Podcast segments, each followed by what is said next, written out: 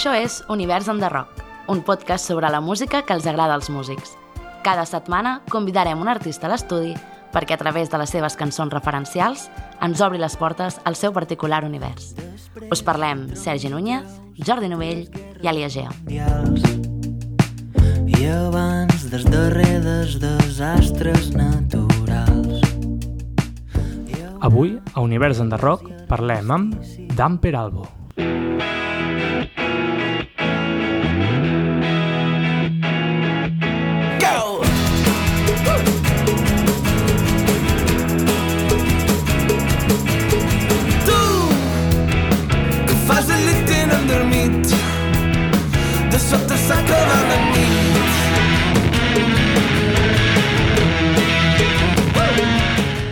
Benvingut, Dan, com estàs? Molt bé, genial, genial.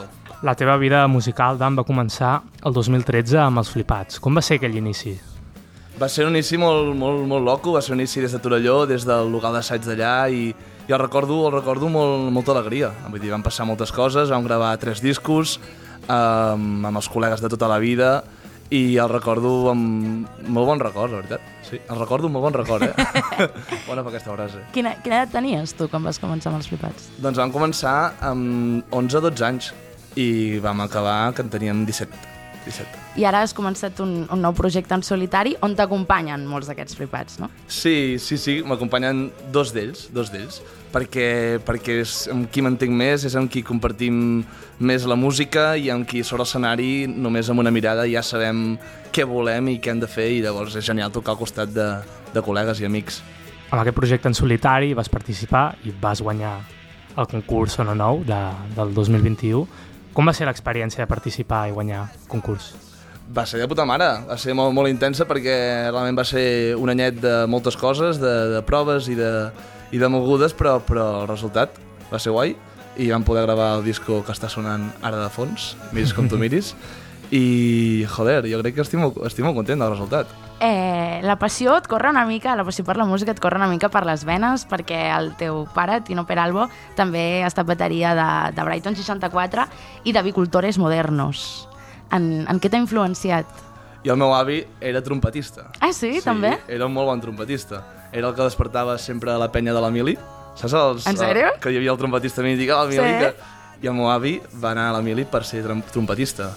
Sí, sí, i em va prendre allà i llavors... Com qui va per, per ser aviador, ell Sí, sí. trompetista. Diria claríssim que volia ser músic, el meu avi. Però clar, no tocava res, i llavors va aprendre a tocar la trompeta i despertant els soldats. I el meu pare, tornant al meu pare, eh, és un bateria genial, que havia tocat amb Brighton 64, i jo crec que sí, que, que la, la música em ve de... em corre per les venes de casa i, i, i la meva mare, la meva mare també era superpunky de jove. Clar, una dona als anys, als anys eh, antes, a Borgunyà, un poble superpetit, i la, la tia anava amb el cap rapat i una cresta de color groc. Clar, clar. Uau. Vull dir, sí, sí, de, crec que ve de casa una mica tot plegat. Bé, també ara, com deies abans, has publicat aquest eh, treball Miris com tu miris, no? que seguim escoltant per aquí amb la, amb la cançó Diumenge. De què tracta una mica aquest treball a grans trets? Miris com tu miris, jo crec que... L'altre dia ho pensava, no sé si hi ha molta ficció, si hi ha molta realitat, jo crec que és, que és un mix de, de, de les dues coses. Crec que amb les lletres parlo molt de, de, de, de, de, de les coses que m'han passat, per molt que crec que potser ho faig amb un punt metafòric, però crec que, que mm, si ingerim i si rasquem, crec que tot és d'algo molt personal. Però ja et dic, intento camuflar-ho amb una alegria o intento camu- camuflar-ho amb, una, amb, una, amb un tarannà que sembli des, eh, gamberro i tal, però, però crec que en el fons hi ha, hi ha, molt, hi ha profunditat, o sigui, és, és almenys com ho entenc jo. I també volíem parlar una miqueta del, del vostre estil, que es desmarca una miqueta de la, de la moda actual. T'agrada anar contracorrent?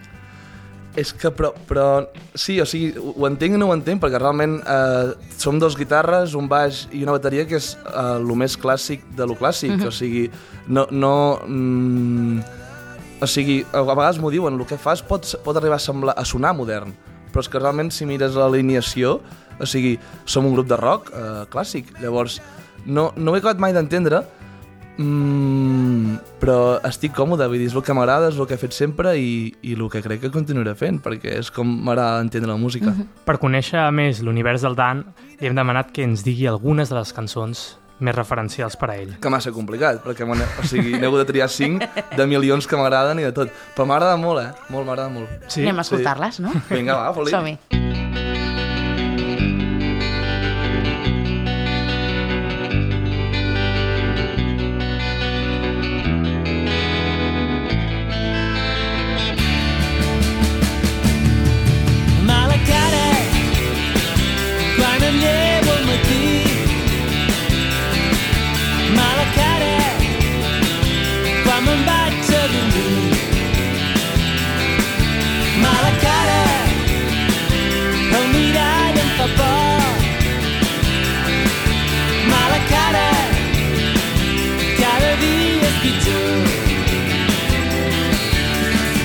Són els Pets i el seu Mala Cara, una cançó que van incloure com a novetat dins del recopilatori amb el mateix nom que van publicar l'any 2002, una cançó que comença per la tornada. Sí, sí, és curiosa. Escolta, Adam, per què has triat aquesta cançó en concret, els Pets? Una cosa, abans de, de respondre, eh? A que en Pau també ha triat una cançó dels Pets? És correcte. Pot ser? Vale. És que crec que... No, crec que és, que és un exemple clar de, de que la nostra generació crec que els Pets eh, ens ha marcat molt. I vés a saber, potser hi haurà, hi haurà algú altre que també ho dirà, els Pets, no sé. Sí, però també he de dir que la, la cançó que va triar en Pau és del- d'un àlbum més recent, en una època que els Pets jo crec que fan un tipus de música una mica diferent del que marcaven fins a principis dels 2000. És veritat, era una cançó més moderna. Sí. Aquesta és més antiga perquè, perquè és, és la meva infància, és això fotíem el cotxe tot hòstia per anar a futbol, perquè jo de petit era futbolero, i, i, i ficàvem els Pets i Blues Brothers, sempre sonaven el, els dos. I tinc, joder, és la meva infància, és, i em sé totes les cançons, totes les lletres, i m'encanta. També és quasi com una desmitificació de la clàssica vida del sexe, drogues i rock and roll, no? Perquè en comptes de dir que això és guai i mola, no? És quasi com això és xungo i no, no és dolent. Què va, és guai. Sí? Tu creus que sí? Va, De què li poses mala cara, tu? mala cara. Aquí parla de llevar-se al matí, no? Parla de moltes coses. Um, mala cara, uh, quan em llevo... Quan em llevo al matí, també, va. Seguim amb una cançó ben carregada d'actitud punk.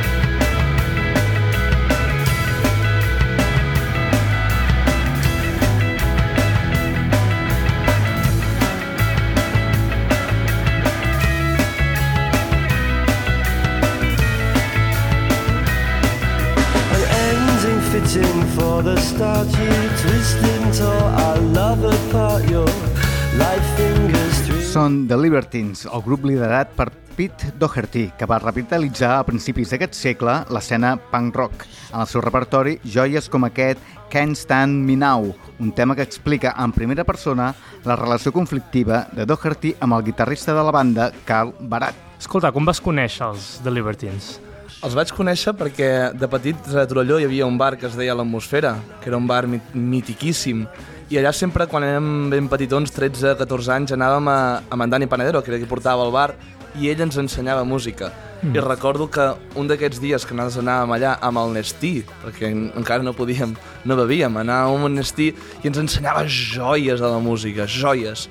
I me'n recordo el dia que em va ensenyar de Libertins, que em vaig cardar a plorar.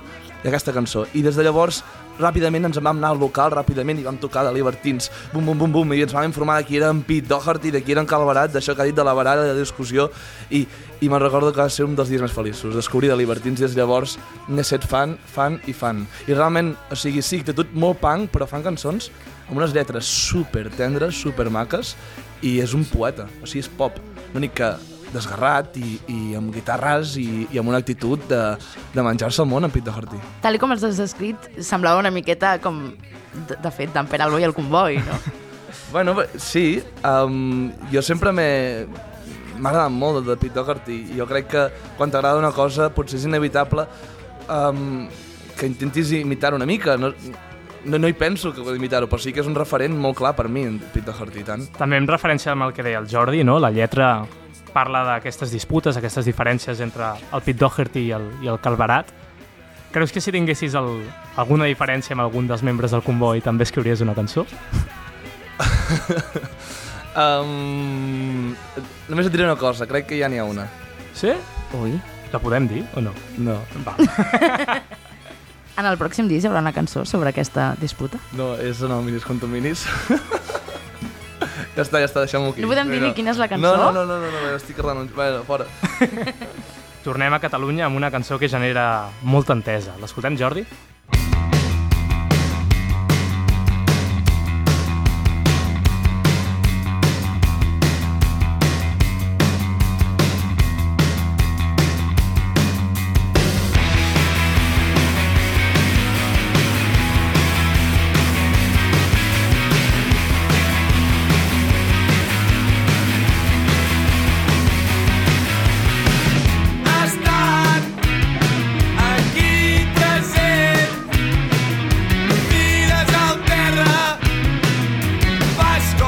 Són d'Osona, comandant, i es diuen Power Burques. Aquesta cançó es diu Ja ens entenem i va formar part del seu primer llarga durada, Llarga vida al Tarannà, publicat el 2016. Sogaratge, punk dels 80 i power pop junts en una formació fill espiritual del surfing Searless. Amb Power Burkas, Dan, Osona és el mateix context d'osonenc, no? I, I aquesta actitud punk. Um, quina relació teniu? Us coneixeu? Clar, de fet, o sigui, quan em vau, triar la, em vau fer triar les cinc cançons que m'haguessin marcat, jo vaig tenir molt clar que volia ficar Power Burkas perquè, perquè són, són un pèl més grans que nosaltres, potser ens treuen 5 anys, i durant tota la vida havíem tingut, els havíem tingut una admiració increïble.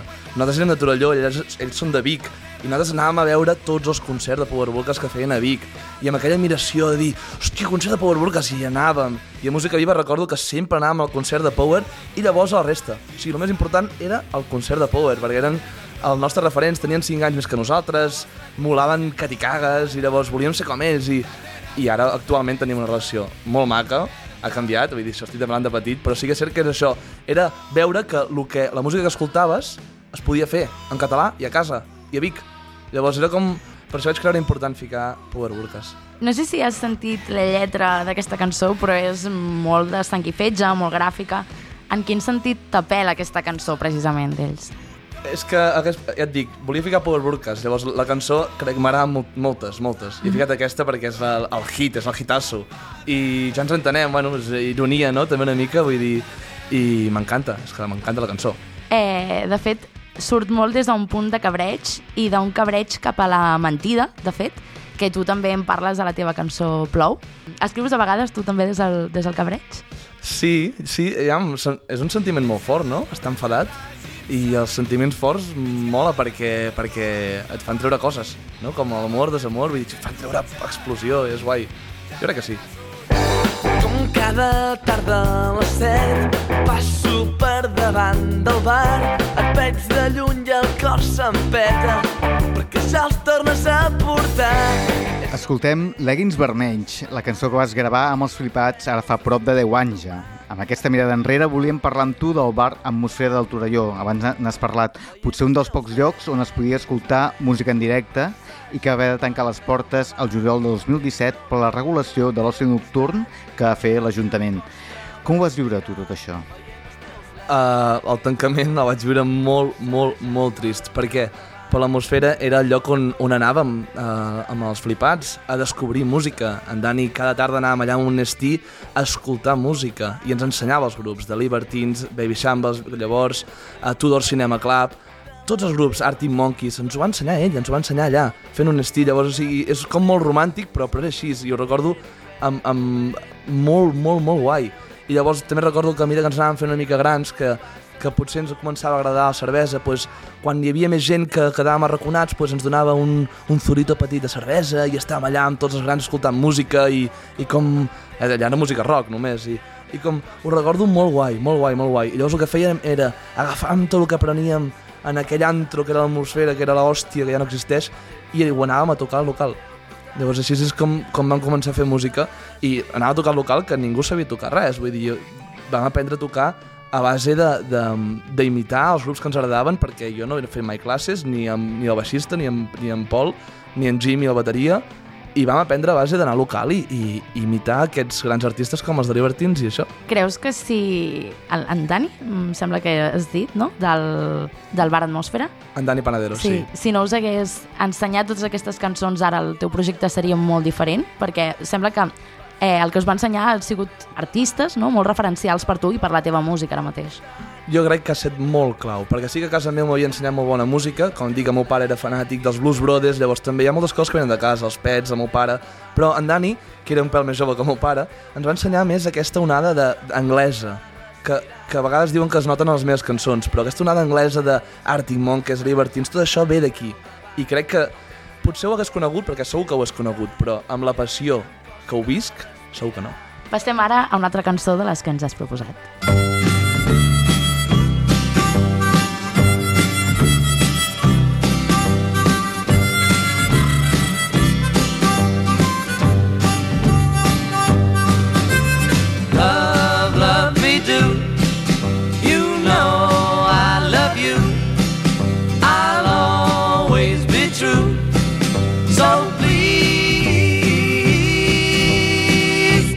Love me do. Love Me Do, el primer alè discogràfic d'un grup que ho va canviar tot. Era el 1962 i són els inconfusibles Beatles, John Lennon, Paul McCartney, George Harrison, Ringo Starr. Ara tot just fa 60 anys. Escolta, Dan, parlar dels Beatles ens podríem estar un dia sencer si volguéssim, perquè dona per mil i un temes, però començaré per preguntar-te si vas entre els Beatles més perquè te'l va ensenyar el Dani o el, alguna persona al poble o més aviat de la teva família. Els Beatles vaig endinsar-m'hi perquè quan vaig anar a viure a Londres, vaig estar-hi un any vivint, doncs allà vaig, vaig començar a tocar al carrer. I tocant al carrer vaig fer un gran amic que va ser precisament el productor del primer disco, Cos Kiss Me. I aquest gran amic era un malalt, malalt dels Beatles. Però un malalt, un loco, un loco. Llavors, bueno, com que era el meu millor amic, perquè no en tenia més, no en tenia més, tenia 18 anys, era el meu millor amic i únic amic, i, i, i jo em vaig convertir darrere seu en un malalt dels Beatles. I era, era molt graciós perquè quan dic malalt vull dir que anàvem amb el mateix pentinat de, de, dels Beatles, el mític del primer disco. Llavors ell tenia el nas molt, molt gran, el nas, tenia el nas molt sortit, i ja es podeu imaginar a qui li deien que semblava, en Ringo Starr. Sí, òbviament. perquè tenia un assut de collons aquest el meu col·lega. I en Ringo també, clar. I llavors a mi em deien, doncs, amb, amb bueno, que sé, Paul o John, perquè, però amb el mateix pentinat del primer disco. I llavors el que fèiem quan tocàvem a carrera només cançons de Beatles. I fèiem les veus. I he fet aquesta cançó perquè molen molt les veus. O sigui, sembla una cançó molt senzilla, però que ara dona unes veus de l'hòstia. Escolta, ara explicaves no, que vas anar a viure a Anglaterra durant uns anys quan tenies 18 anys. Com va ser l'experiència d'anar cap allà? Bueno, eh, complicada, perquè no havia sortit de Torelló mai. Llavors, hòstia, una ciutat, agafar el metro, agafar el bus, com... Hòstia, de veritat, no, no, no havia sortit de Torelló i, i, i era petit i insegur i hi havia coses i, i bueno, de sobte et trobes una gran metròpolis com és Londres i dius, hòstia puta, no em foto, no tenia amics i llavors tot va anar, tot va anar fluint, eh? Vull dir, vaig anar creant una vida increïble i al final va ser una experiència espectacular. A més, allà també vas començar aquest projecte en solitari, no? Si no recordo malament. Sí, allà vaig començar a composar les cançons de Cos Kiss Me o de l'Ada, um, queda pendent, però bueno, molt verd encara, i ho fèiem en anglès encara. Clar, perquè mm -hmm. xapurrejàvem en anglès. I llavors al tornar aquí va ser quan les vaig traduir i fer-les en català i gravar. I va ser un procés difícil, això de canviar d'idioma i Sí, retraduir-les? sí no, no, no, no és fàcil, no? perquè quan composes en anglès ja, ja dius coses, vulguis o no. I, I llavors com intentar com adaptar el que deies en anglès al català és fatal, llavors has d'intentar inventar-te una altra cosa. No, no és fàcil. Mola més composar directe en català. The Beatles són, sens dubte, una de les raons de pes no? per les que has acabat fent música, però també n'hi ha alguna altra. La descobrim, Jordi? A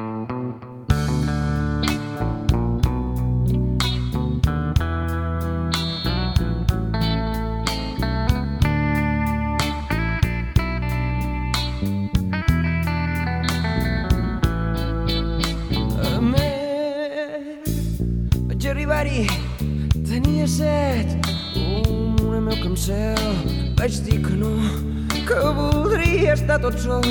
Si més no per posar en prova el meu seny dubtós, era agost. Un bon temps per anar buscant raons de pes arran el cel obert. L'any 1991, els gironins Un Papa apareixien al mercat amb un disc molt singular. El van anomenar Raons de pes, com la cançó que ha escollit en Dan. És l'àlbum de nina ensucrada, de bebent passat i també, és clar de la catximba. Em fa especial gràcia que hagis triat un papa perquè eh, és un grup que quan va sortir a principis dels 90 el que, el que més els destacava era la, la seva experiència i la seva actitud de, de l'escenari, sobretot de l'Adrià Puntí, que és el cantant, i a més a més també es van donar a conèixer en un concurs, cosa que, que em sembla que té molts paral·lelismes, no?, amb la vostra banda. Pues he triat aquesta cançó perquè, perquè em sembla que l'Adrià Puntí ha portat el català a, a una jugabilitat amb la veu i, i, i una, una atrapadaria. No sé si està ben dit això que acabo de dir, m'ho acabo d'inventar, però ens hem entès. I tant. I crec que crec que, que molt guai. I va ser també molt puntal, o sigui, m'ha influenciat molt perquè jo sempre he escoltat música anglesa. Llavors, el fet de dir, hòstia, que guai com vaig tornar a Londres i, i descobrir més a fons un papa i, i veure que com jugava amb, la, amb el català, les paraules que utilitzava, la, les, els divertimientos que feia amb la veu, em va semblar espectacular. I és el que, que, que, que també intento fer jo amb les meves cançons, intentar que, que sigui divertit, el que, el que digui lo, i el que, com ho jugui amb la veu i com, com ho col·loqui. Inclús hi ha cançons que parlo en mallorquí Vull dir, el... hi ha la cançó d'Odalada, i que te toco, i que te canto, i que te caus, i això a Osona no ho diríem mai. Vull dir, com buscar... Com ho la- diríeu, Osona? I que et toco, i que et taco, Ah. i que et caus, segurament, no sé. Vull dir, com buscar la jugabilitat, no sé. Sí, de fet t'anava a dir que, que em recorda a vegades la, la teva veu, em recorda una miqueta a l'Adrià Puntí, per això que deies, no? els divertimientos que fa amb la veu, els, els jocs que fa, no? Jo crec que sí, perquè és, bueno, m'agrada molt i el que dèiem abans, si t'agrada una cosa, com intentes com també posar una mica en, els, en el que fas tu. Deies que t'havies apropat més, eh, sobretot després de tornar d'Anglaterra, però com, com vas arribar a un papa? Ah, un papa era un grup que ja coneixia, era un grup que ja coneixia però que no m'hi havia endinsat mai, llavors simplement el vaig agafar i el vaig voler exprimir, com tants altres, eh? Perquè jo abans era com molt anglès, molt arcaic, no, música anglesa, música anglesa, llavors quan a l'endinsar-me amb la música catalana vaig descobrir que, hòstia puta, és que, és que tenim, tenim meravelles, tenim meravelles, i és el que he volgut fer i és el que vull fer. Perquè, clar, ells van, van néixer i van desaparèixer abans que tu nasquessis, de fet. Sí. La lletra també presenta una miqueta com aquesta vida del, del rock and roll, amb aquesta versió com més lumpen, no? Més de malvivint, prenent drogues, um, com molt dels grup, del- d'un grup dels abans, no? Que és, que és com et descrius, o com descrius tu d'en Peralbo i el Convoy sovint. Bé, bueno, perquè, perquè ho entenc així, la música, entenc com, com tancant-se a un local i amb un palet de cerveses i, i tocar, i tocar i tocar, i, i passar-ho molt bé, i, i sobretot passar-ho molt bé, i el dia que no ens ho passem bé amb el, amb el comboi, doncs, doncs fora. I com, no sé, és com ho entenc, com, com he viscut, com l'he entesa des de l'atmosfera, el que dèiem abans, des de casa, com, i com m'agrada, vull dir, és que com m'agrada, és que m'encanta anar al local i assajar durant hores i cardar el beneit i tot això és, és de puta mare. Aquesta és de les últimes cançons que, que ens has proposat ja, i moltes d'elles són dels primers discos. Eh, què, què tenen els primers discos que, que atrapen, no? Que a vegades ens arriben més. En sèrio, eh? No m'hi he fixat en sí, això. sí, sí. Vale. Hòstia, no ho sé. no ho sé. Um, M'ha escardat ara. És veritat. Doncs no ho sé, perquè tri- no hi he pensat en això. Són les cançons que, que m'agraden de, cada, de cada artista, de cada grup i tal. Um, M'ha escardat, no sé. Va, juguem al 2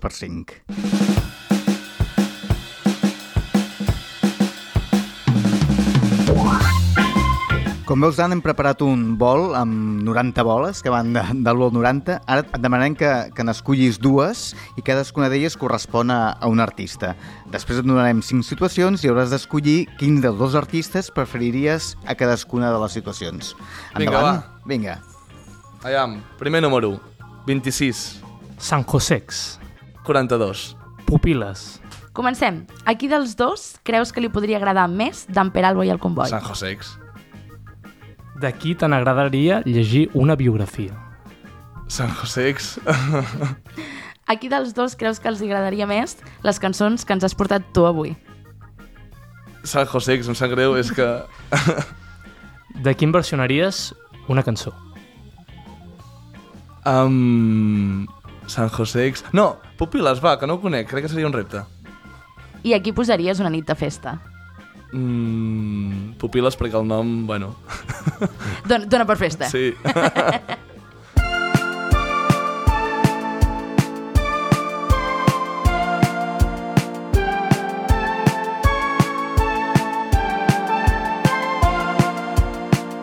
Bé, moltes gràcies, Dan, per haver vingut. Ah, és genial, m'ho sap molt bé. Me n'alegro. Nosaltres també. Fins aquí Univers en the Rock amb en Dan Peralbo. Ens podreu trobar cada setmana descobrint l'univers d'un nou músic a Spotify, Evox, Google i Apple. Busca'ns, escolta'ns i subscriu-te per no perdre't en cap. A reveure! Des darrer desastres naturals hi haurà treves i armisticis